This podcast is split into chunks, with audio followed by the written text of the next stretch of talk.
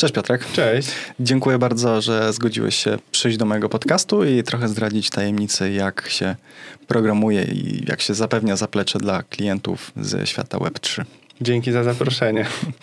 Nie ma problemu, więc no, tak jak powiedziałem przed rozmową, chcę w tym roku mocniej wejść w podcast, chcę, żeby te treści były bardziej takie dla ludzi, żeby było dużo takich właśnie rzeczy informacyjnych, nie tylko ze świata ogólnie jakichś tam metaversowych, ale też będziemy się trochę zanurzać bardziej, jeżeli chodzi o jakieś takie konkretne nisze, stąd też e, pewnie zaproszenie. E, dobrze Piotr, e, na tym kanale zaczyna się tak, że to gość się przedstawia, mówi o sobie kilka słów, opowiada skąd jest, czym się zajmuje i co robi. No okej, okay, no więc jestem generalnie, można powiedzieć, spekulantem. To jedyna dziedzina, na której coś, e, coś więcej zarobiłem w życiu niż, niż etat, bo byłem mhm. też menadżerem e-commerce'u. E, zaczęło się to od gdzieś tam kartów Pokémonów mhm. w wieku 15-16 lat. No później jakaś giełda, wiadomo, nieudane, nieudane inwestycje i tak dalej. Mhm. A w ostatnim czasie NFT-ki, trochę krypto, ale generalnie, generalnie te NFT-ki. Mm, no i tym się zajmuję na co dzień. Teraz też odpaliłem agencję konsultacyjną z softwarem, mhm. software house'em. E, najpierw był ten software, ale jakby mm, rynek nas zweryfikował i po prostu nie ma takiego zapotrzebowania na, na te usługi, więc mhm. wymyśliliśmy ten consulting. I to, to robię na co dzień. Mm, spoko. No właśnie miałem pytać, bo rozmawialiśmy wcześniej już w tym roku, jeszcze przed nagraniem odnośnie Software House'u, a tu widzę, pojawił się pivot, taki leciutki, ale do tego wrócimy jeszcze. Mm, powiedz mi w takim razie, mm, skąd w ogóle u ciebie zainteresowanie tą tematyką blockchainową, krypto, tym światem? Jak to u ciebie wyglądało? To się zaczęło od bańki bitcoinowej, jak u większości chyba. Który rok? Która bańka? 17. Okay. Ta, ta pierwsza. Mhm. No i gdzieś tam wiesz, od, od, od wtedy zacząłem się tym interesować, szukać. Mm, jakby to, że jestem spekulantem, mhm. E, to, że mam teraz tą agencję konsultacyjną Software House, to jest jakby moje obstawienie na to, że ta branża będzie się, się rozwijać, więc to jest część jakby mojej spekulacji. Mhm. A czy doświadczenie w spekulacji dużo ci pomaga w codziennej pracy ogólnie? Znajomość rynku, sprawdzanie rynku, weryfikacja tego? No myślę, że tak, bo niektóre mechanizmy są podobne. Mhm. sprawdzanie właśnie rynku, tak jak mówisz, sprawdzanie klientów, e, też obstawianie różnych, no bo w biznesie jest mhm. chyba podobnie, e, podobnie do spekulacji. E, te, tego jeszcze nie wiem, to dopiero sprawdzam, bo mhm. biznes dopiero prowadzę no niecały rok. Mhm. E, no więc myślę, że powiem ci na następnym nagraniu za ileś lat. No za, albo za rok, albo za dwa lata, tak. No też e, tak jak ja obserwuję rynek, bo też widzę, że faktycznie taka spekulacja jest, ale to głównie VC mi się wydaje, że mocno spekulują, obstawiając, nie wiem, tysiąc różnych firm, gdzie z tego trzy zrobił unicorna, 5 wyjdzie na zero, a cała reszta, nie, czy 90% pewnie zjedzie w dół. Mm, twój, twoja firma nazywa się Saltwater Code, dobrze wymawiam? Tak. Skąd ta nazwa? To jest, wiesz co, połączenie dwóch rzeczy. Pierwsza rzecz to jest taka, że uwielbiam ocean, sporty mhm. wodne i, i, wszystko, co z tym związane. A druga rzecz e, jest taka, że Kolumb przepłynął ocean, żeby odkryć mhm. Amerykę, więc ten ocean jest, e, ten saltwater jest taką jakby drogą nieznaną. Mhm. Podobnie teraz do technologii blockchain i, i tych nowych rozwiązań, więc stąd jest ta nazwa. Okej, okay, czyli taka bardziej metafora. Mm, tak. Dobrze, a opowiedz w takim razie, czym się konkretnie zajmujecie, jaką macie ofertę, co oferujecie klientom? Okej, okay, więc zajmujemy się mhm. mm, konsultingiem i to wychodzi z tego, że żeby sprzedać jakiś software e, klientom, oni muszą go chcieć, mhm. a żeby go chcieli, to musi być jakieś zastosowanie na to i muszą to rozumieć. Jeżeli tego nie rozumieją, no to trzeba by ich wyedukować najpierw. No tak. Więc e, sprzedajemy takie godziny konsultingowe mm, w zakresie zaangażowania klientów. Mhm. E, customer experience, bo jakby tym się zajmowałem w, w e-commerce też, więc to, to rozumiem, to lubię. Mhm. Różne rodzaje programów lojalnościowych, membershipów o, oparte o, o NFT-ki mhm. chociaż wiem, że to słowo nie jest y, y, dobrze odbierane teraz. Tak, wydaje mi się, że ostatnio odeszliśmy już od nazewnictwa NFT na jakieś e, digital, digital goods albo digital assets, tak. tak, albo dobra cyfrowe. Tak, tak, tak. No to jest chyba kojarzone ze skamem. NFT samo jako tako tak, natomiast no to jest tak jakby powiedziałbym nazwa w zasadzie własna danego standardu tokenów, pisania tokenów, tak? No tak, tak. A do, na ulicę, do opinii publicznej pewnie ta nazwa gdzieś tam jeszcze parę razy spiwotuje i każdy będzie inaczej to mówił, nie wiem, jakieś niezbywalne tokeny albo coś, żeby ominąć jednak ten tak, złą nazwę. to będzie ewoluować na no, pewno. Na pewno. e, a wracając jeszcze mhm. do tego, co robimy, e, no to ten consulting i jeżeli jakieś rozwiązania software'owe, mm, to na jakby takich etapach testowych, jakieś wprowadzenie testowych, programów lojalnościowych, testowanych wewnątrz firmy, mm. wśród pracowników, coś, co nie, nie widzi światła dziennego tak naprawdę. No bo ludzie, jakby klienci tego, tego jeszcze nie rozumieją, więc no tak. to, to robimy. Ale wiesz co, z drugiej strony mi się wydaje, że e, na tym będzie polegała adopcja. Już któryś raz to mówię w podcaście, że tak naprawdę ja, nie wiem, zapisując się chociażby do przywołanych wcześniej żabki i otrzymując żabsony, za bardzo nie chcę się zastanawiać, czy to na jakim języku programowania jest to pisane, bo zasadniczo jako klient mnie to guzik obchodzi, nie? Tak naprawdę. I czy moje asety będą w formie NFT, no to zasadniczo za jakiś czas prawdopodobnie to się rozmyje i dlatego, żeby nie myśleć nad tym, żeby się nie zastanawiać, czy używam NFT, czy używam RC20, czy jakiegoś innego standardu, to po prostu będzie chyba jakiś taki driver, że nikt ci tego nie może zabrać, tak? Jest to na takiej technologii, że nikt ci tego nie może zabrać. Tak samo, no, jak płacisz kartą płatniczą, to się nie zastanawiasz, co tam pod spodem jest w bebechach, nie? Jak to idzie, kto się rozlicza, jakie są transakcje między sobą, nie? No tak, ale tak jak mówisz dokładnie, ludzie no. muszą zrozumieć to, że nikt nie może im tego zabrać, mhm. nie można tego podrobić, a, a nazewnictwo mm, jakby to jest mniej istotne. Bardziej istotne jest to zrozumienie yy, nie zasady działania, ale tego, że nikt nie może ci, ci zabrać. Mhm.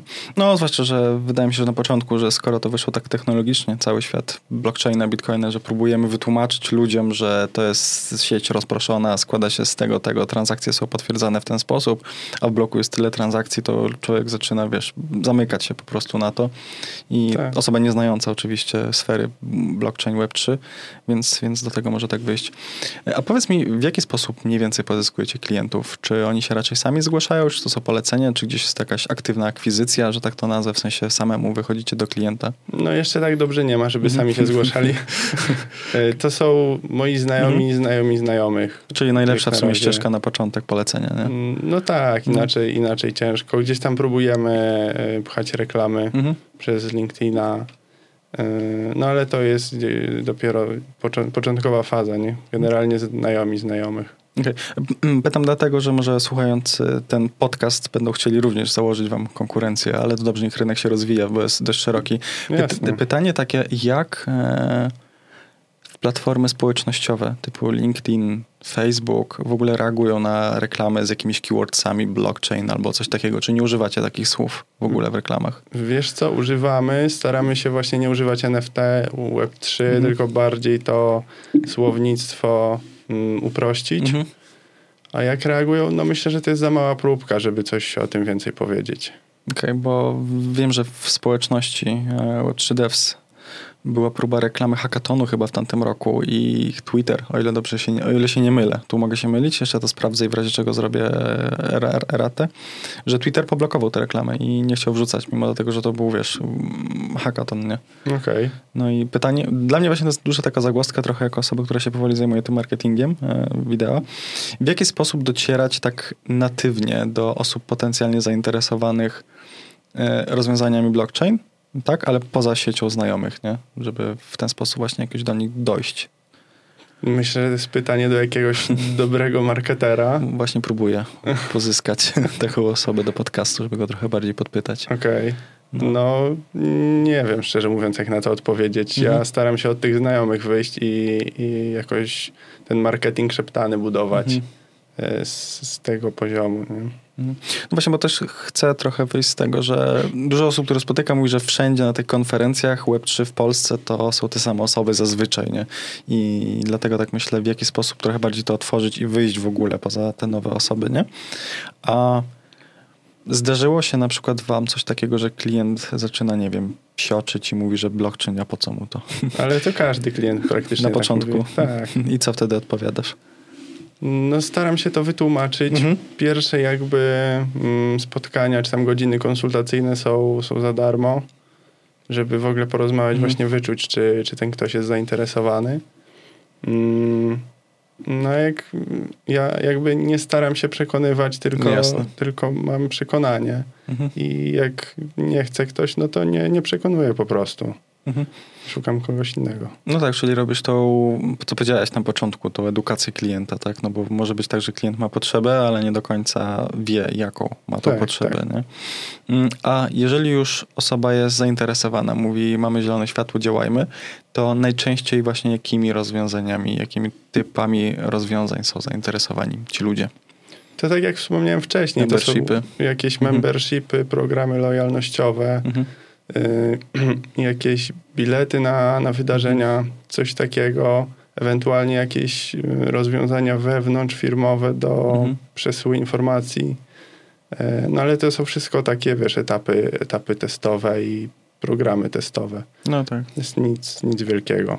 Znaczy to, wiesz, na, tym etapie, nawet tak jak ja patrzyłem gdzieś w literaturze, to generalnie przyjmuje się projekty na 3 lata i ten pierwszy rok to jest po prostu faza testów. Dużo pivotów, faza testów, sprawdzanie, czy dane rozwiązanie się w pewnym momencie e, przyjmie. No tak, tak jak ja zacząłem z tym, z tym softwarem. Myślałem, że to będzie to, że wiesz, każdy tego Mhm. potrzebuje, a poszedłem do 50-100 osób Mhm. i, i się okazało, że jednak nie. No, Trzeba to- było coś zmienić. No właśnie, to jest to, to jest jeden powód dlatego, dlaczego dużo firm upada, bo na początku nasze ego trochę mocno wyskakuje i mówi, o ja wiem najlepiej, co inni potrzebują, no ale jednak okazuje się, że nie zawsze tak jest i trzeba gdzieś wyczuć ten pivot, nie? I to też nie jesteś pierwszą osobą, która o tym mówi.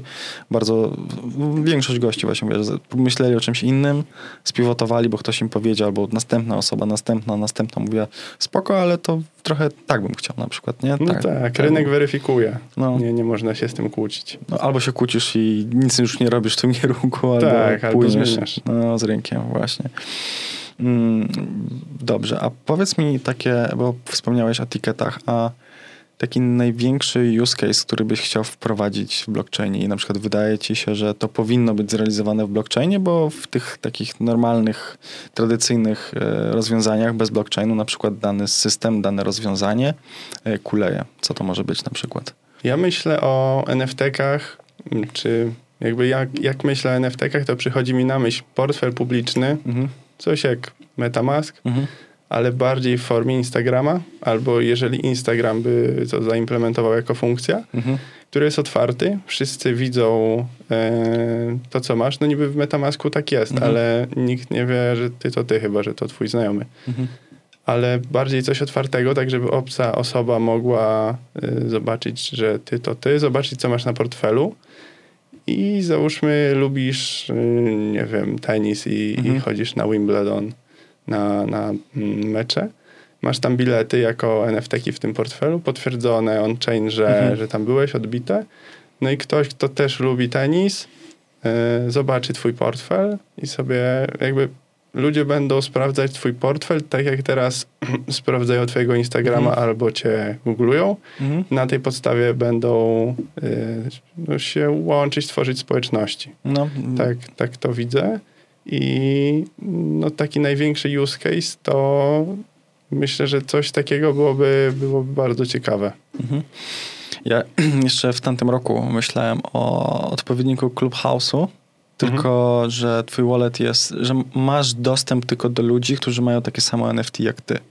E, Sprzedajemy dużo pomysłów dzisiaj, ale generalnie miałem taki pomysł, żeby zrobić aplikację, mobilkę w głównej mierze, e, gdzie masz swój wallet, na twoim wallecie są jakieś NFT i masz możliwość dodania jedynie tych osób, które masz w te same NFT, nie? Czyli jak my na przykład, nie wiem, mamy małpę, no to mamy tylko te, jeszcze bardziej to wzmacniamy, że widzimy tylko członków z danego NFT. Oczywiście możemy to sortować i na przykład w kluby dyskusyjne, jak na przykład, nie wiem, na Telegramie są porobione kluby danego NFT, to tutaj masz już to zweryfikowane. Musisz mieć fizycznie NFT w portfelu, żeby móc rozmawiać z tymi ludźmi w klubach lub się w ogóle konektować z tymi ludźmi, nie? No tak, to jest no. coś, coś podobnego, taki otwarty, otwarty portfel. Łączysz się mm. z tymi, co podzielają tą samą no. zainteresowanie, tą samą pasję, co ty. No.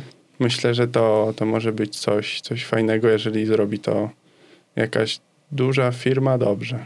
No, bo duża firma, bo tu dużo musi być na marketing wydane, nie? No bo zastanawiam się też, tak. jaki sposób przyciągnąć klientów, no bo Instagram głównie, w ogóle Instagram chyba zaczął od e, możliwości edycji zdjęć, tak mi się wydaje, a potem wykupił go Facebook i zrobił z tego taką większą platformę społecznościową, gdzie się dzielimy zdjęciami. Nie? Tak, chyba Instagram najpierw był dla fotografów mhm, tylko, tak. coś takiego, edycja no, zdjęć, tak no. jak mówisz. No, bo to była taka apka z takim śmiesznym, różowym logo i tam jak Snapspeed teraz chyba jest taka aplikacja. To wcześniej można było jakieś tam filtry vintage nakładać, kojarzę z tego w takie pierwsze wersje Instagrama i oni to odkupili, nie? I zaczęli z tego wielkie medium społecznościowe. No tak, to może Metamask też będzie ewoluował i no. zrobi coś takiego. No pytanie, jaki mają cel, nie, twórcy? No, tak. właśnie. Mm, jeszcze przeglądając przed rozmową twoją stronę, widziałem tam pojęcie Web 2,5. Co to w zasadzie znaczy? Bo wszyscy mówią Web 3, Web 3, Web 3, a ty nagle masz gdzieś tam wpisane Web 2,5. Jak ty to rozumiesz? To jest y, taka hybryda dla mnie. Połączenie internetu Aha. i decentralizacji. Mhm. No bo każdy mówi Web 3, Web 3, pełna decentralizacja, mhm. ale gdzie do tego jest prawo? Nie ma do tego mhm. prawa tak naprawdę jeszcze. Zanim do tego będzie prawo, no to prawdopodobnie będzie potrzebna jakaś adopcja e, mhm. taka wstępna, czy podjęcie jakichś kroków wcześniej, zanim będzie pełna decentralizacja. I no myślę, że to będzie Web 2,5, czyli na przykład e, NFT-ki jako bilet na normalne wydarzenia, albo mhm. NFT-ki e, jako spotkanie z kimś i masz połączenie niby tej decentralizacji z mhm. normalnym światem. Więc to jakby miałem na myśli pisząc to Web 2,5. Okej. Okay. Tak sobie teraz pomyślałem, że w sumie rozdawanie autografów można byłoby ograć w formie NFT-ka. No tak, nie, nie, do, podrob- nie do podrobienia, no. y, autentyczne. No. Dużo, dużo jest pomysłów i możliwości, co można z tym zrobić. No tak, tylko właśnie pytanie, co, co ludzie konkretnie by chcieli w ten sposób uprościć, nie? A wierzysz w taką pełną decentralizację, nie wiem, usług finansowych, usług prawniczych, jakichś takich dużych filarów, na których teraz opieramy, nie wiem, chociażby decyzyjność, sądownictwo, to już tak grubo, tak abstrahując całkowicie. Co o tym sądzisz? No nie wierzę, bo te firmy, które teraz mają władzę, musiałyby ją oddać. Mhm. BlackRock, Vanguard i, i, te inne fundusze mhm. y, musiałyby to oddać. Jakby nikt, nikt, nikt nie miałby władzy, mhm. a jak nikt nie miałby władzy, to byłaby anarchia. No tak, właśnie. Więc nie, nie wierzę w to. W pełną taką romantyczną wizję Satoshiego, nie? Na pewno nie w najbliższych 10 latach, 20. Mhm. Chyba, że się jakiś porządek świata zmieni, ktoś inny przejmie władzę, jakby inna grupa interesów może wtedy. Mhm. No to znowu ktoś miałby w czymś interes i pytanie, czy chciałby scedować jakieś w głównej mierze rzeczy nie? na inne osoby. No dokładnie, więc myślę, że to będzie zdecentralizowane, ale do jakiegoś stopnia. Mhm do jakiegoś levelu, nie? No tak, tak, samo jak w DAO, nie? Też masz niby decentralizację, ale tej ABC levele zarządzania i tak masz na tokeny podzielone, nie? No tak. No i z tego można chociażby jakby zarabiać. Mm, a poza taką aplikacją jeszcze, e, o której powiedziałeś, czyli NFT Metamask Instagram połączyć, mm -hmm. co jeszcze by brakowało w takich dapach, takich aplikacji use case'owych, w których nie ma albo są źle zrobione? Co jeszcze można byłoby stworzyć? Wiesz co, na razie to brakuje edukacji wśród ludzi, mm-hmm. jakby wśród użytkowników, bo być może niczego nie brakuje w niektórych dapach. I być może są świetne, tylko nikt nie widzi potrzeby tego używania oprócz osób z kryptoświata. Mm-hmm. Więc ciężko na to odpowiedzieć. Myślę, że to rynek weryfikuje na bieżąco, a rynek jeszcze nie dorósł do tego, e, nie wyedukował się wystarczająco, żeby używać tych dapów, co mamy. Mhm. Tak, tak uważam. Więc po co je modyfikować, jak nie wiemy, czy, czy one No są tak. dobre, czy być może działają. Mhm. Mm, A jak myślisz, co może wpłynąć na poszerzenie tej dobrej wiedzy, nie mówię o inwestowaniu czy o używaniu giełd, tylko takiej dobrej wiedzy właśnie podstawowej, jak działa blockchain, po co on w ogóle nam jest potrzebny, o, programisty, o programistach, którzy by chcieli to programować i też o osobach, które by chciały to od strony użytkownika z, tworzyć jakieś UX, UI. Jak myślisz, co powinno się stać albo w jaki sposób można byłoby promować tą wiedzę o blockchainie Web3? No myślę, że to wychodzi, yy, jakby ta wiedza będzie wychodzić od ludzi z tego świata, czyli Mhm. od nas i po prostu potrzeba czasu. Mhm. Yy, To z biegiem, z biegiem czasu, z ilością podcastów nagranych, Mhm. blogów napisanych i tak zacznie yy, wpływać do, do mainstreamu i jeszcze dodatkowo jak duże firmy, jak Starbucks, ten program lojalnościowy Mhm. teraz wdraża, zacznie coś takiego robić, no to też nie wdraża tego programu, nie wyjaśniając, co to jest. Tylko tam Mhm. jest masa artykułów i wyjaśnień, co to jest, do czego, do czego służy, więc myślę, że w ten sposób. Mhm. Mm, A obserwujesz, bo ta, tak naprawdę coraz więcej firm w różny sposób, czy to od idei blockchainowych, chociażby Maersk i inne firmy logistyczne, logistyki morskiej, tak, no, nie wiem, czy dobrze wymawiam Maersk, e, czy chociażby Disney, gdzie mocno właśnie wpływa, co z Agnieszką rozmawiałem w poprzednim nagraniu odnośnie metaversu już, że Disney czy obserwowałeś, e, badając rynek, takie sytuacje, gdzie na przykład jakaś firma wielka zapierała się nogami i rękoma, że blockchain to chłam, a jednak koniec dnia coś robią w tym kierunku? Ło, to jest ciężkie pytanie. Nie będzie lekko. Nie, y, nie przypominam sobie takiego case'u, żeby duża firma Mhm. zapierała się przed użyciem blockchaina, a na koniec niego użyła. Albo zaczęła pracować w R&D nad tym, nie? Mhm. No nie widziałem takiego case'u. Bardziej to jest albo w kierunku robimy programy testowe Mhm. i gdzieś tam testujemy w małej skali, albo nie, bo nie. Okej. Bo, bo nie rozumiemy, bo nie chcemy i nam to niepotrzebne. Pytam, dlatego, że w gazetach w Stanach były takie narracje, to się bardzo zmieniało, nie? że będziemy się przyglądać blockchainowi, blockchain to zło, potem blockchain to super. Nie?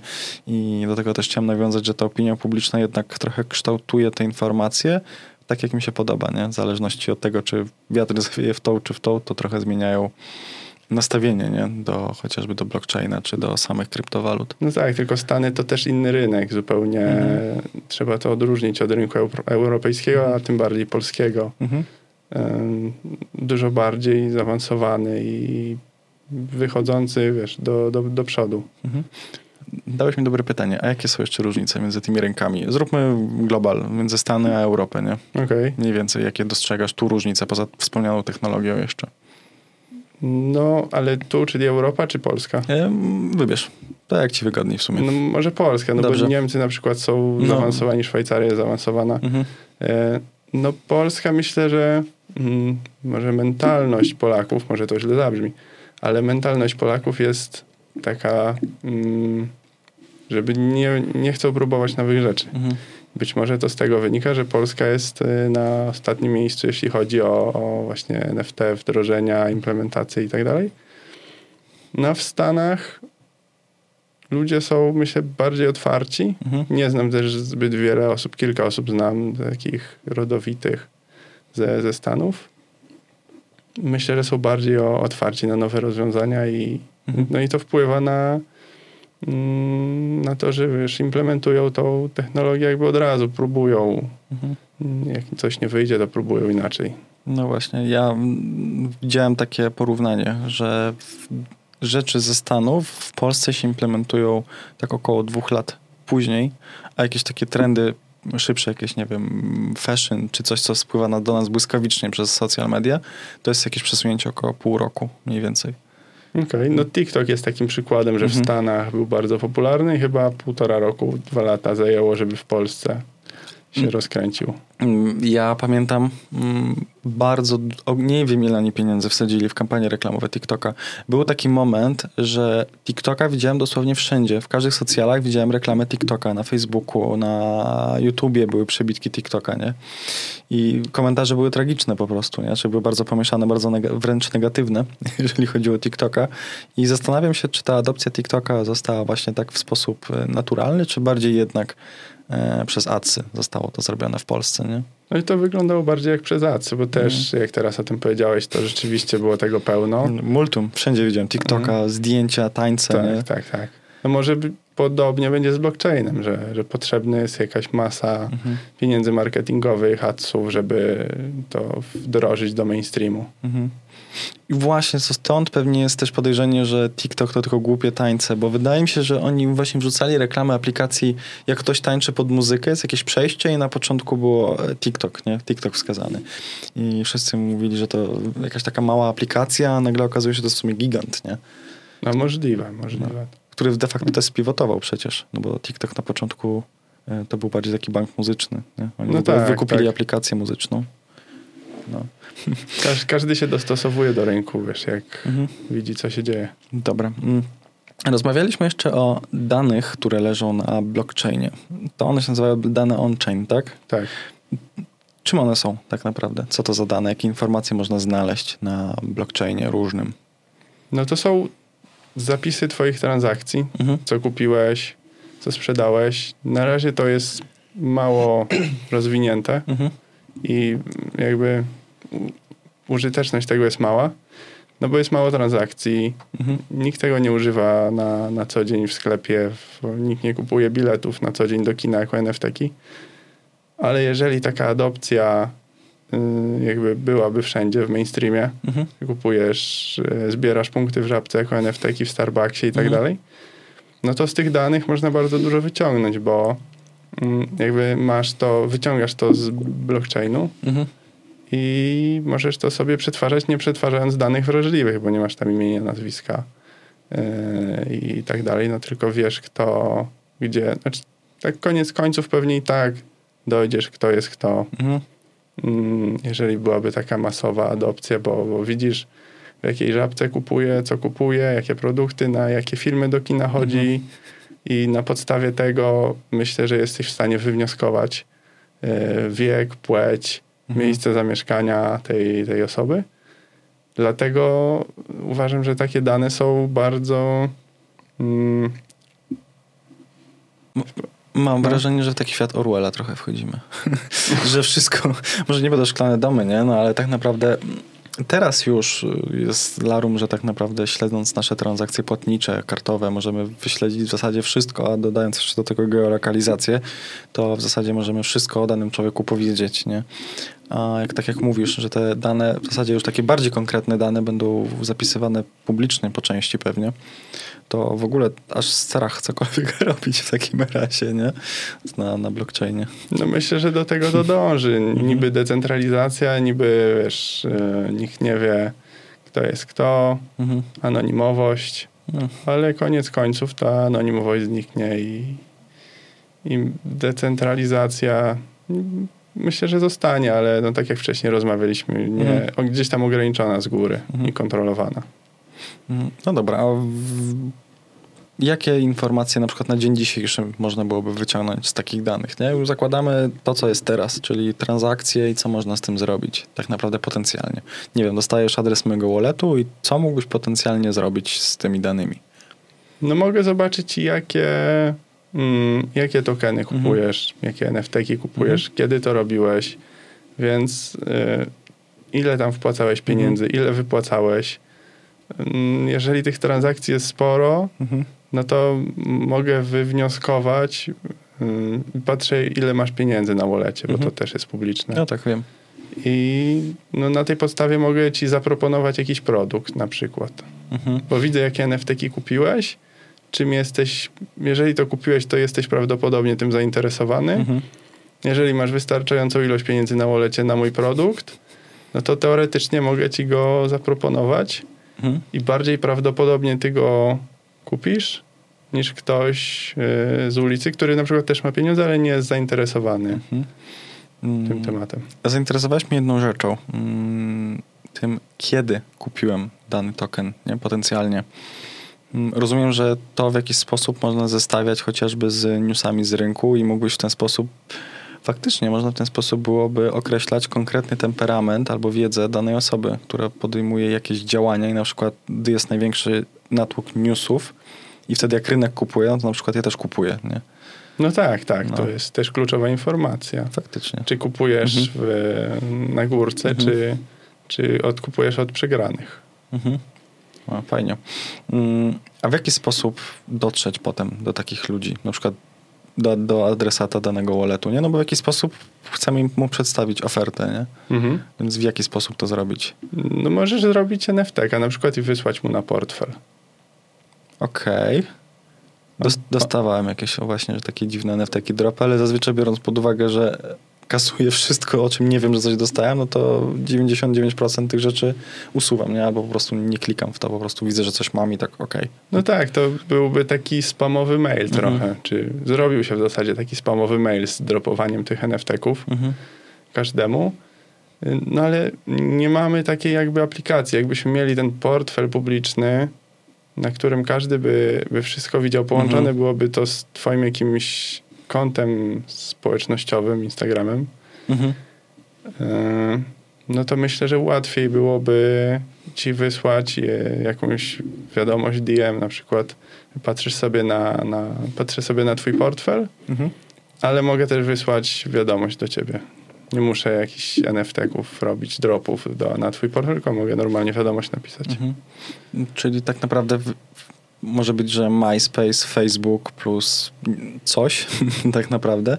No bo gdyby zaimplementować do Facebooka mm, opcję właśnie blockchainu, pełną, pełen blockchain, to tak naprawdę można normalnie zrobić e, adsy tak samo jak się dzieje na Facebooku. No tak. Tylko te adsy by były jeszcze bardziej doprecyzowane, bo dokładnie na podstawie walletu plus jakieś tam siatki twoich walletów, no bo zazwyczaj ma się więcej niż jeden wallet, mhm. E, można byłoby określić tak naprawdę jeszcze więcej informacji niż obecnie określił Facebook. No tak, o to, myślę, że o to chodzi. No. I mm, wtedy jakby masz, ty no nie jesteś właścicielem danych, ale mm, masz dostęp do danych, mhm. mm, jakby do pierwszej partii danych, co, co ludzie kupują, do zachowań klientów, mhm. nie będąc na łasce Google'a, Facebooka i tak dalej, bo to jest wszystko on-chain. Mhm. Tylko na przykład Facebook tylko wyświetla i, i łączy z twoim kontem ale nie odpowiada za te dane, nie może ich zmienić, ukryć mhm. i zaszyfrować i tak dalej. No tak, ale to myślę, że będę miał prawnika niedługo na rozmowie, ale natomiast też muszę pozadawać parę pytań, bo dużo mnie nurtuje. Ale na przykład do własności danych wydaje mi się, że te prawo może się i tak zmienić, no bo weź pod uwagę numer telefonu.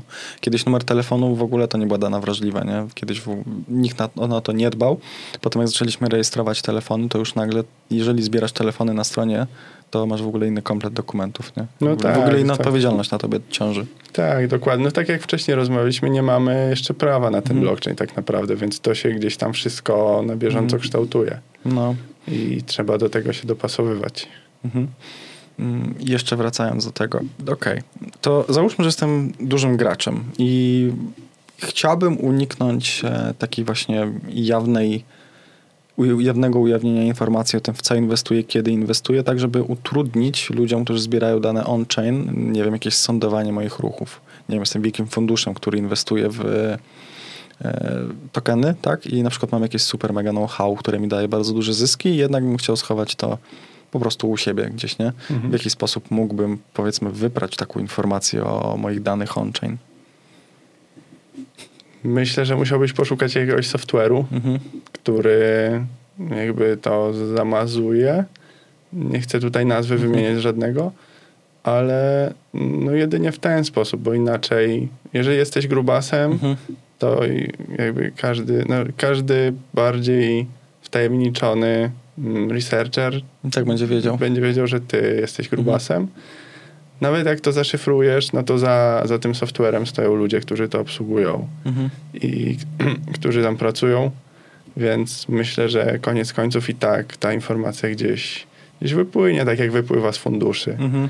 mm, sekretarki, ochroniarze, którzy uczestniczą w spotkaniach, przecież to Mhm. też słyszą te, te informacje. No tak, biorąc to pod uwagę. Tu pewnie będzie podobnie. Mhm. Czyli to wydaje mi się, że to będzie chyba podobna analogia do e, zwykłych zakupów na tradycjonalnej giełdzie, gdzie jednak te transakcje są robione przez jakichś tam pośredników, a nie bezpośrednio przez dany fundusz. Nie? Prawdopodobnie tak. Mhm. Teraz już wychodzimy w przyszłość, Mhm. jak, to, jak to będzie wyglądało. No, w, w, nie będziemy zanudzać ludzi na podcaście, więc możemy sobie trochę, wiesz, po, po, po, polatać w chmurach oczywiście. Nie? Jasne. Pomyśleć. Ale no wiesz, to się tak szybko zmienia Mhm. i prawnie, i technologicznie, że ciężko cokolwiek tutaj trafnego powiedzieć, to Mhm. jedynie możemy powiedzieć, co jest tu i teraz. Mhm. Mm, Właśnie, a nurtuje pytanie. I jak, bo na przykład zdarzają się kradzieże dużej ilości bitcoinów, nie? To biorąc pod uwagę sposób, w jaki możemy to trakować, czy jest w ogóle możliwość, nie wiem, wyprania informacji, gdzie te środki uciekły, na przykład z giełdy zginęło, nie wiem, abstrahuję, 30 milionów. I w jaki sposób moglibyśmy prześledzić transakcje, albo w jaki sposób moglibyśmy wyprać to, żeby nie zostało śladów, nie? Czemu mnie pytasz o pranie pieniędzy? Nie pranie pieniędzy, tylko pranie bitcoinów, to tak, bo Bitcoiny to nie pieniądze? Zależy jak to rozumiemy, tak? No to wiesz, to, to już też jest kwestia prawna, nie? Nazewnictwo. Okej. Nie, pytam ciebie dlatego, że poruszamy dane on-chain, więc po prostu myślałem, że zadawałeś sobie kiedyś taki proces myślowy, nie? Ja, ja myślałem na przykład, jakby ukraść 50 milionów bitcoinów. Jak to wy, wyciągnąć tak naprawdę? nie? No ja się nie zastanawiałem, ale po tym podcaście się po- pomyślę. Myślę, że znajdę kogoś innego, kto na ten sposób powie. Okej. Kogoś bardziej zaawansowanego w temacie. Albo praktyka. tak, drodzy widzowie, jak znacie albo wiecie, kto mógł coś takiego zrobić, to dajcie znać. Nie, to już tak śmiechem, żartem bardzo mm, idziemy, nie? Mm, A czy na dzień dzisiejszy e, w jakiś sposób możemy dopasować na przykład dane usługi, e, wysyłając chociażby NFT komuś na portfel? Chodzi mi o to, że robimy sobie, na przykład przychodzi do ciebie klient, nie? I mówi, że będzie robił jakieś wydarzenie, nie? I nie wiem, mm, zrób mi analizę on-chain i wyślij do iluś tam klientów NFT-ka, nie? Myślę, że takie coś ma w ogóle rację jeszcze bytu? Można coś takiego stosować, biorąc pod uwagę to, co powiedziałem wcześniej, że raczej większość osób bardziej świadoma nie klika w takie rzeczy. No myślę, że teraz to nie. No Mhm. też OpenSea ukrywa wszystkie, Mhm, wszystko w Hidden wszystkie no. tak, dropowane NFT-ki, więc Mhm. jedynie gdzieś tam Metamask pewnie by to wyświetlił, chociaż też nie jestem pewny. Mhm. Yy, no kiepski pomysł, lepiej może jakąś reklamę zrobić i, Mhm. i w ten sposób niż, niż dropować mm, na portfele No, w taki. No właśnie i trochę zataczamy znowu koło z tym, bo przecież pierwszy algorytm płacenia za wysłanie wiadomości był też jakby prekursorem trochę Bitcoina, że już nie pamiętam dokładnie, nie płacenia, a dokładnie dowód pracy, czyli przed wysłaniem maila musiałeś zrobić jakąś e, obliczenie, tak, no pracę nazwijmy to. Mm. I to był właśnie też jeden z takim tchnieniem dla Satoshiego albo dla sat- grupy Satoshich. Nie wiem, jak to nazwać bardziej. To e, algorytm taki antyspamowy wymyślony, już nie pamiętam przez kogo. Beka chyba? Podrzucę link, nie? I właśnie to samo z dropem NFT-ków, no bo ktoś ponosi ten koszt, tak, przesłania transakcji NFT-ka. No tak, tak. No. Znaczy transakcji koszt ponosi Wysyłający. wysyłający. No tak. Dlatego musi mu się to opłacać w jakimś stopniu, no bo w zależności od tego. No opłacało się, jak OpenSea nie, nie ukrywało Mhm. tego i można było zrobić jakiś skam na tym, że jak klikasz, to ci portfel czyści. Podobnie z, z wiadomościami. Aha. Wiesz, tam SMS, przyszła paczka, nie No, dopłaciłeś, Wiem, dopłać 2 złote, klikasz, podpinasz konto i wszystko ściąga. No to tu Mm. podobnie. wiem. Nam wysyłali, że za prąd nie zapłaciliśmy. No, to wiesz, różne były techniki. No, nie zapłaciłeś za prąd, odłączymy ci prąd, kliknij w ten, nie? Dokładnie. I te wiadomości zazwyczaj przychodzą gdzieś tam rano albo późnym wieczorem, gdzie człowiek już ma to w tyłku, nie? I tak, no co? No i coś miałem pytać jeszcze odnośnie tego. Danych on-chain. Mhm. O użycie pytałeś. No, co jeszcze? Możesz ciekawego dopowiedzieć o użyciu danych jeszcze. No myślę, że tych danych jest mało na Mhm. razie, więc ciężko to, to gdzieś tam implementować. Mm, bardziej jakieś takie, wiesz, testowe implementacje może. Jakiś cookie, cookie free, coś takiego robi, Mhm. Będę chciał Filipa zaprosić niedługo. Więc myślę, Mhm. że, że oni więcej powiedzą tobie, bo no my też nie, Mhm. nie implementujemy tych danych, tylko gdzieś tam mamy to mamy to w głowie, że jest coś takiego i chcielibyśmy to w przyszłości wykorzystywać, Mhm. żeby budować ten lepszy customer experience i, i lepsze te programy lojalnościowe. Mhm. Mm, no ale na razie ciężko mi tutaj coś więcej powiedzieć. Jasne. Mm, A czy do spekulacji da się wykorzystać dane on-chain, te informacje zawarte właśnie, gdzie ludzie kupują, z czego uciekają? Czy to jest w jakiś sposób pomocne i na przykład co teraz dane mówią o zachowaniu rynku, o sytuacji rynku, jakieś tam prognozie, o ile można coś wyciągnąć, jakieś wnioski z danych, dan- z danych danych? Albo z, no, Spekulacja to jest obstawianie przyszłości, a Mhm. wyciąganie danych z danych to jest Mhm. przeszłość. mhm. Więc mm, być może do jakiejś ogólnej analizy rynku, ale do jakichś decyzji spekulacyjnych Mhm. wątpię. W sensie ja bym, nie, ja bym tego nie, nie stosował, bo to Mhm. po prostu dla mnie nie ma, nie ma sensu wyciąganie jakby przeszłych transakcji Mhm. do przyszłych decyzji. Mhm. Mm, Pytam, bo całkowicie się nie znam na spekulacji, dlatego jak już podwinąłeś temat spekulacji, to trochę podrążę dziurę. Mm, A nie jest tak, nie wiem, że, da, że sytuacje, które się działy wcześniej, możliwe, że wydadzą się później, na przykład zachowania ludzi i ilość newsów, nie wiem, przy bańkach Bitcoina chociażby. No tak, no to Mhm. jakby psychologia tłumu Mhm. się powtarza i przeważnie działa tak samo. Mhm. Wszystkie banki podobnie działają. Mhm. Czy to tulipanowa, czy bitcoinowa, czy wigowa, Mhm. czy NFT-kowa. Yy, No więc tak, powtarza to się.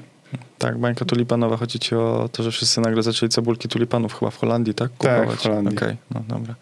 Wolę, wolę dopowiedzieć, może coś było tutaj, nie wiem. Nie. Mm, A co teraz myślisz o rynku? Co się potencjalnie może wydarzyć ciekawego? Rynku krypto. Tak. No liczę na, tak jak chyba każdy, na Mhm. upadek, czy tam próbę upadku tego Tetera. Mhm.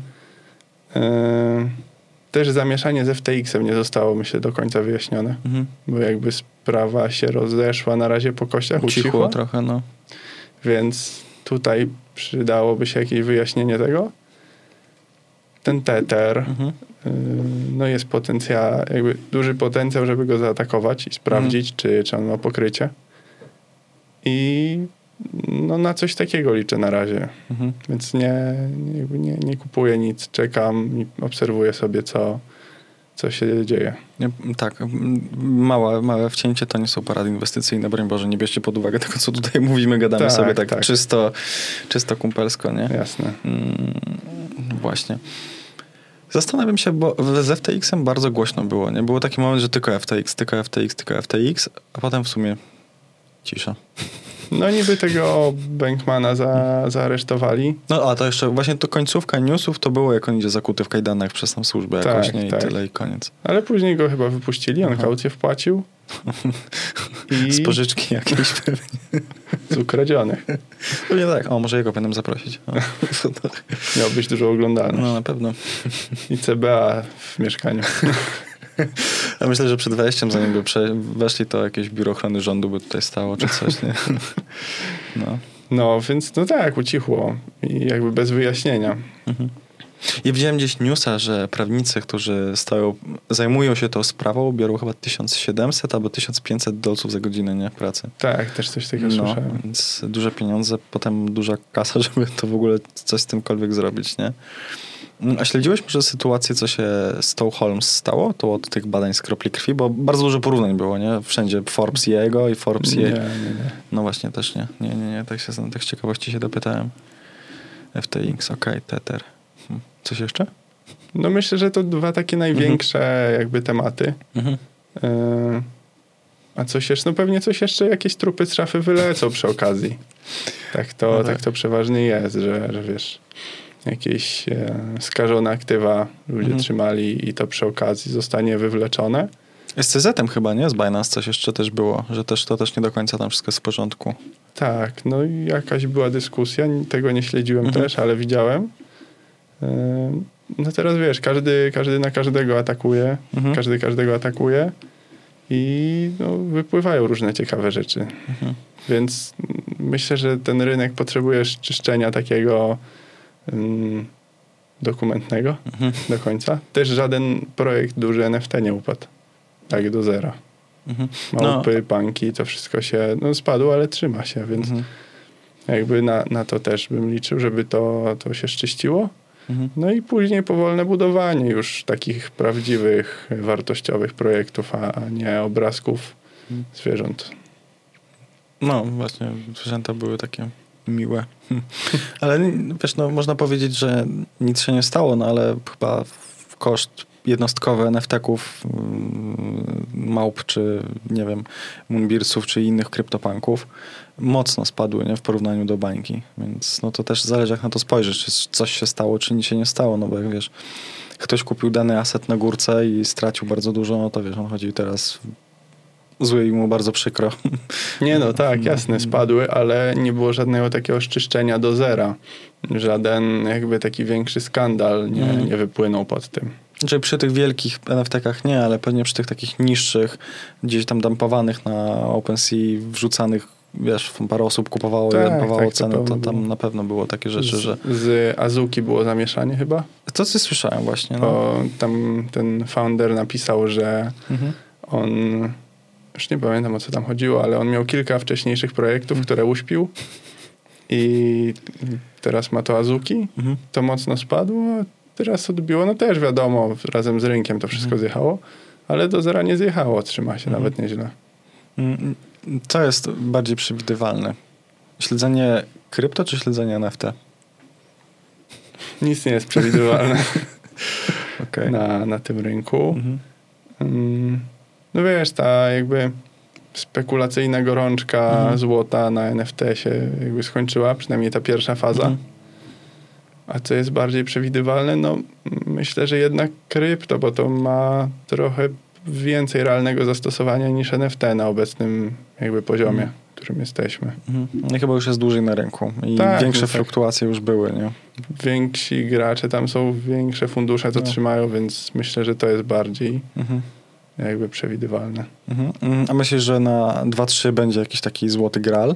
W sensie mm, jakiś taki kolejny projekt potencjalnie, który porwie ludzi, i tłumy i ulice, tak jak w tamtym roku NFT na przykład? Nie wiem, nie mam pojęcia, Mhm. chociaż yy, teraz AI bardzo zrobiło się popularne. Nawet takie Mocno. memy widziałem, że yy, kryptoludzie, czy tam Web3 specjaliści zawracają Mhm. na, AI. na AI, AI, AI Mhm. ścieżkę AI. Więc Być może to, yy, bo wiesz, ludzie uwielbiają, uwielbiają gonić yy, Króliczka. króliczka, gorącą rzecz, Mhm. która jest obecnie na rynku, więc zobaczymy. Mhm. No, wiem, bo słyszałem w tamtym roku jeszcze, że fundusze kierują wzrok właśnie w stronę AI, SE, czy jak to tam zwał w Polsce, nie? Mm, A co sądzisz o chat, chat GPT, czy tam GPT? Okej. No jest bardzo ciekawym narzędziem. Mhm. Ja go wykorzystuję do produkcji, uczę się go wykorzystywać do produkcji kontentu. O, spoko. E, przyspiesza pracę, ułatwia. Mhm. No wiadomo, tej części kreatywnej nie, nie usunie i chyba żadna technologia nie usunie. No bo musisz wiedzieć, co tam wpisać. Mhm. Ale no, przyspiesza bardzo pracę, ułatwia, więc polecam spróbować na pewno. Tak.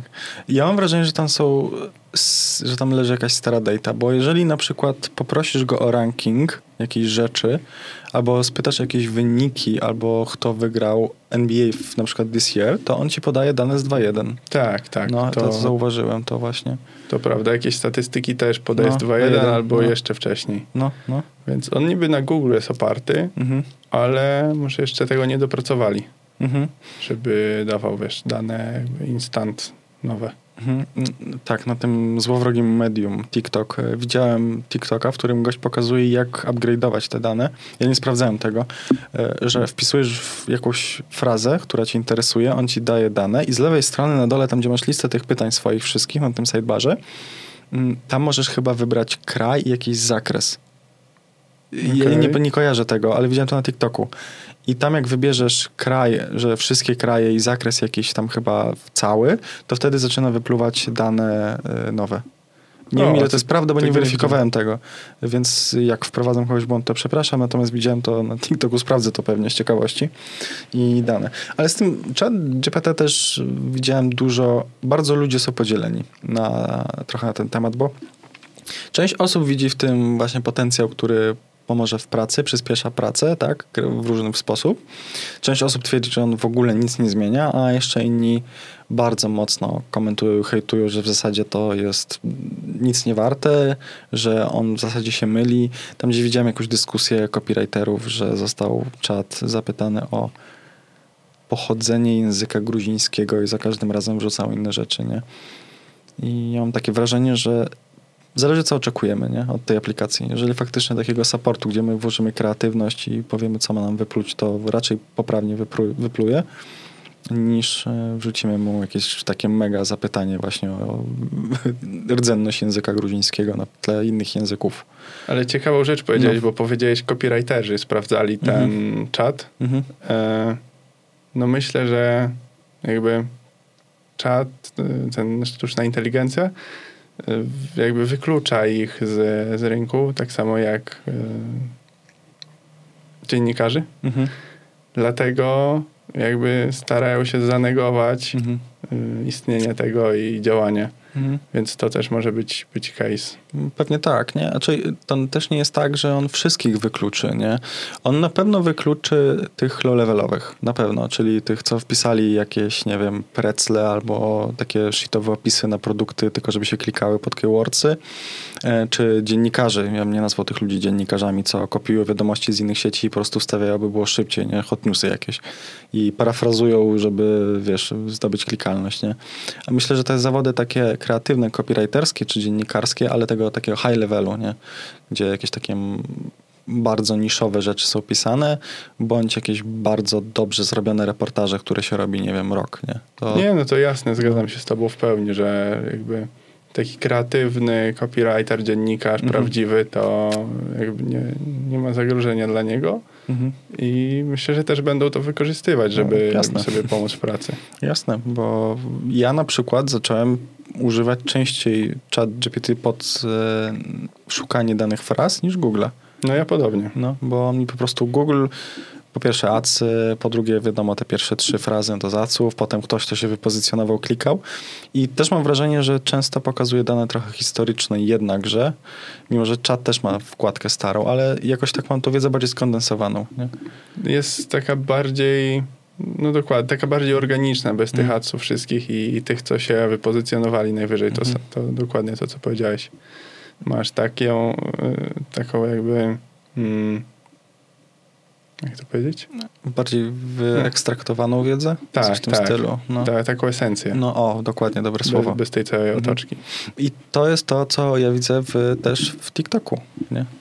że na przykład jak sobie spojrzysz na ilość wejść TikToka czy na YouTube'a, albo ilość wyszukań fraz w TikToku, a na Google, to okazuje się, że bardzo dużo ludzi zaczyna szukać jakichś rzeczy na TikToku.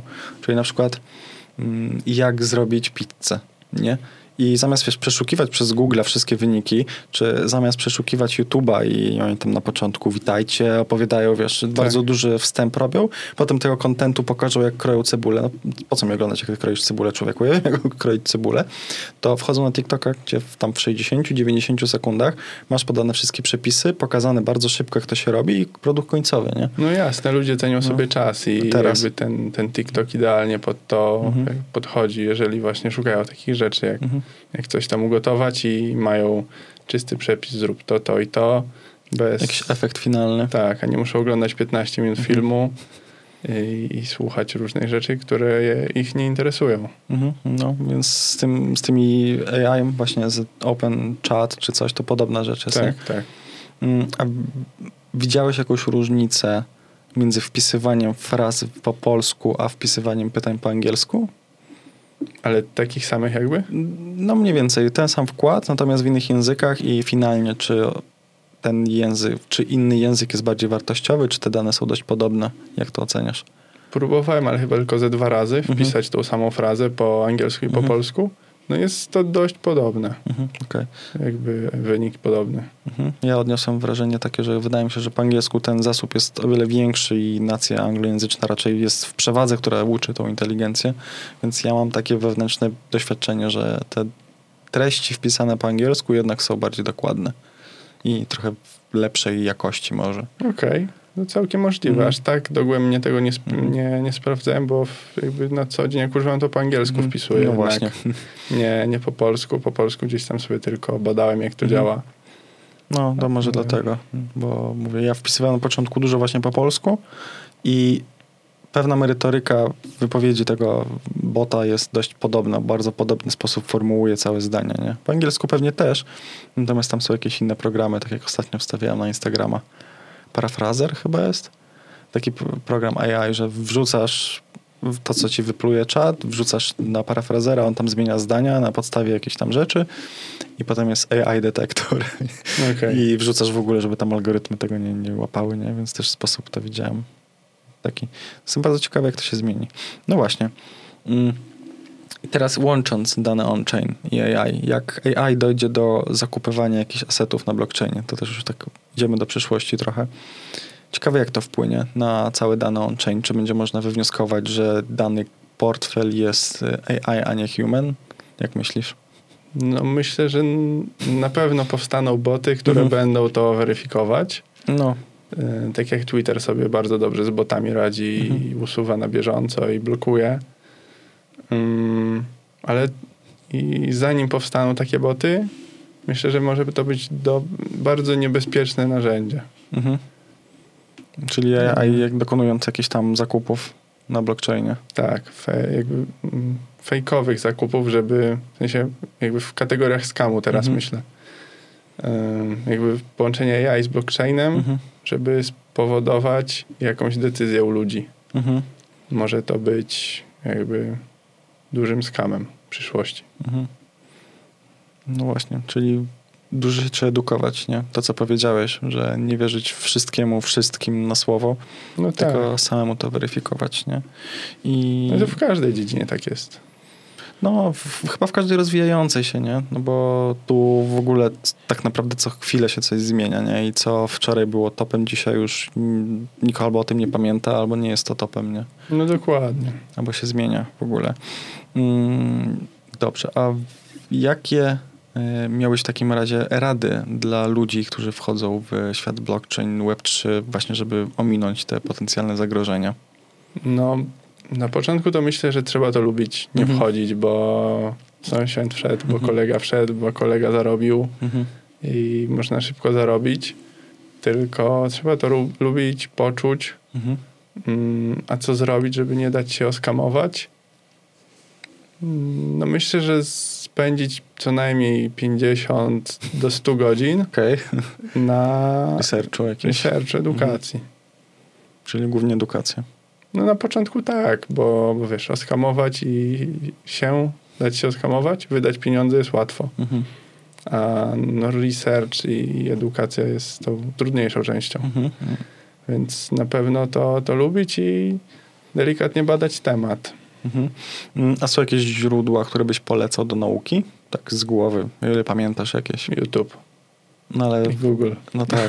Tylko wiesz, że na YouTubie już różnie ludzie mówią, że niektórzy na przykład mówią inwestuj w Lunę, nie? Więc to też nie jest tak, że tylko i wyłącznie YouTube, no bo tam też jest scam tak Nie, naprawdę. No, jasne, jasne. No wiesz No. co, to trochę zdrowego rozsąd- rozsądku potrzeba Mhm. do tego. Nie mam jakichś w głowie takich źródeł. Sam to robię z YouTube'a, z Google'a. Ym, jakby jak coś badam, to zadaję sobie pytanie, dlaczego Mhm. z jednej strony, dlaczego to jest dobre i jak można to wykorzystać, a z drugiej strony jakby neguję to i pytam siebie Mhm. sam, jak mogą mnie przez to skamować, Mhm. dlaczego to może nie działać, więc jakby biorę pod uwagę te, te dwie rzeczy zawsze Mhm. i gdzieś tam odrobina zdrowego rozsądku i myślę, że można to samemu wywnioskować i znaleźć strony, filmy, blogi, które jakby są rzetelne. Mhm, jasne. No i jak wam ktoś mówi, że na pewno zarobicie, no to lampka. Tak, tak. I nie bierz, wyłączajcie od razu kanał. No. Tak, czy jakiś sprzedaż kursów, to Mhm. też bym omijał szerokim łukiem. No tak. Mm, Czy masz jakieś takie top trzy projekty w, nie wiem, w Polsce, na świecie, e, które bardzo ci się podobają i idea za tym stojąca i warto je obserwować na przykład? Z NFT-ków podobał mi się, znaczy nadal się podoba e, VFriends, Garego, Garego V. V. Tylko po wypuszczeniu tej drugiej serii Friendsów strasznie to się stało tak skomercjalizowane Mhm. i jakby ta początkowa idea gdzieś tam się zagubiła. Mhm. I jaka była idea, bo ja tego nie śledziłem. Widziałem, że Gary zrobił, sam to rysował, widziałem, że wypuścił chyba teraz czapki z tym, widziałem, że książki były sprzedawane też na podstawie tego, znaczy wysyłane, jeżeli miałeś NFT-ki. Tak. A taka pierwotna idea, Pierwotna idea to Mhm. była taka, żeby zrobić z tego Disneya drugiego. okej, W jakby bardzo organiczny i powolny sposób. okej. Ale przy... To było jakby mm, taka narracja przy pierwszej serii. Mhm. Czy przed pierwszą serią nawet, przy pierwszej serii. A później w, z biegiem czasu i tej bańki druga seria, y, jakieś airdropy, mini airdropy i tak dalej. Mhm. I no to według mnie, mm, jeżeli tak to dalej będzie wyglądać, to daleko nie, nie zajedzie. No wiesz, to jest też świetny marketer, nie? To jest tak naprawdę moim zdaniem jeden z króli marketingu, nie? No tak, tak, ale wiesz, jak za darmo coś rozdajesz, to mm, robisz ten nawis podażowy. Mhm. Mm, dostajesz załóżmy za darmo coś, co jest warte 10 tysięcy dolarów, no to prawdopodobnie od razu to sprzedasz. Mhm. Nawet za 5. No tak, jak, aby ktoś, zarobić. jak ktoś to zobaczy i też będzie chciał od razu sprzedać, sprzeda za 4,5. Mhm. Jak się nakręca. Mhm. Wartość spada, wiesz, gdzieś tam do minimum. Mm, Okej. więc no to mnie, to mnie jakby odepchnęło od tego. Mhm. A polski projekt, no to Big Short Bets jakby. Mhm. Coś Mm, więcej powiedz? zarząd za tym stojący i idea właśnie brak airdropów, brak Mhm. rozdawania za darmo, brak wydawania na reklamy, powolne budowanie tego. Ym, No to jest bardzo fajne. Uważam, że to ma że potencjał, ale to też nie jest żadna moja re- reklama Mhm. i Nie, porada, jasne. tylko mówię, mówię, co uważam. No ale pytam o projekty, nie? Mm, Głównie. Dobra. Jasne. Coś jeszcze znajdziesz? Jakiś projekt jeszcze ciekawy? Może niekoniecznie NFT, bardziej nie wiem, blockchainowy, tokenowy? Mhm. No wiesz co, myślę, że te dwa, jakby Mhm. te dwa najwięcej czasu spędzam na, na obserwację i Mhm. research. I no, może jakby ciekawy, Mhm. to nie znaczy, że z dużym potencjałem wzrostu. Mhm. To może być e, na przykład Coin Fame, No w ogóle nie słyszałem. Fame MMA Coin. A, okej, no. On upadł tam do zera praktycznie, Mhm. 99% spadł. I to może być ciekawy projekt pod tym kątem, żeby jakby zobaczyć, co oni zrobili, że to spadło. Mhm. Że ta wartość spadła, że jakby brali ludzi i, i ci ludzie stracili. Więc no myślę, że też warto obserwować takie projekty, które, mm, Mhm. Upadły. które upadły czy upadają. Mhm. No bo wtedy wiadomo, jakby w co jakby nie inwestować, czym się nie, mm, nie zajmować sobie zbyt dużo czasu. Mhm. Czy jakieś pewne analogie znaleźć, no więc y, tak jak mówiłem wcześniej, to nie są porady, więc dlatego pytam się bardziej tak z ciekawości. E, Te pytania moje zawsze o to, jakie projekty warto obserwować, to głównie mierze chodzi o to, żeby zobaczyć, jakie ciek- żeby zobaczyć, jakie ciekawe rzeczy się dzieją po prostu w tym świecie, nie? Mm, Dobrze, Piotr, powiedz w takim razie, gdzie ciebie można znaleźć w sieci, jeżeli ktoś by chciał się z tobą skontaktować, chociażby odnośnie konsultacji. No myślę, że na LinkedInie Mhm. Piotr Kopestyński i mam zdjęcie królika zielonego na zielonym tle. Okej. Co symbolizuje królik na zielonym tle? Królik to jest NFT właśnie Aha. VFriends z pierwszej Okej, serii. okej, nie wiedziałem. I jakby dzięki, on był jednym z pierwszych, Mhm. dzięki któremu się wkręciłem w, NFT-ki. w NFT-ki, tą całą spekulację na NFT-kach, Mhm. więc on został jedyny praktycznie sentymentalnie, Okej, dlatego mm, królik. dobra. E, linki podrzucimy Tak. pod, pod, pod tym, pod opisem. No dobrze, mm, więc co? E, myślę, że już kończymy powoli. Dziękuję ci za przyjście i za wypowiedzenie się na w sumie trzy dość ciekawe tematy. Dzięki też. Tak. było. Tak, więc słuchajcie, obserwujcie i do usłyszenia.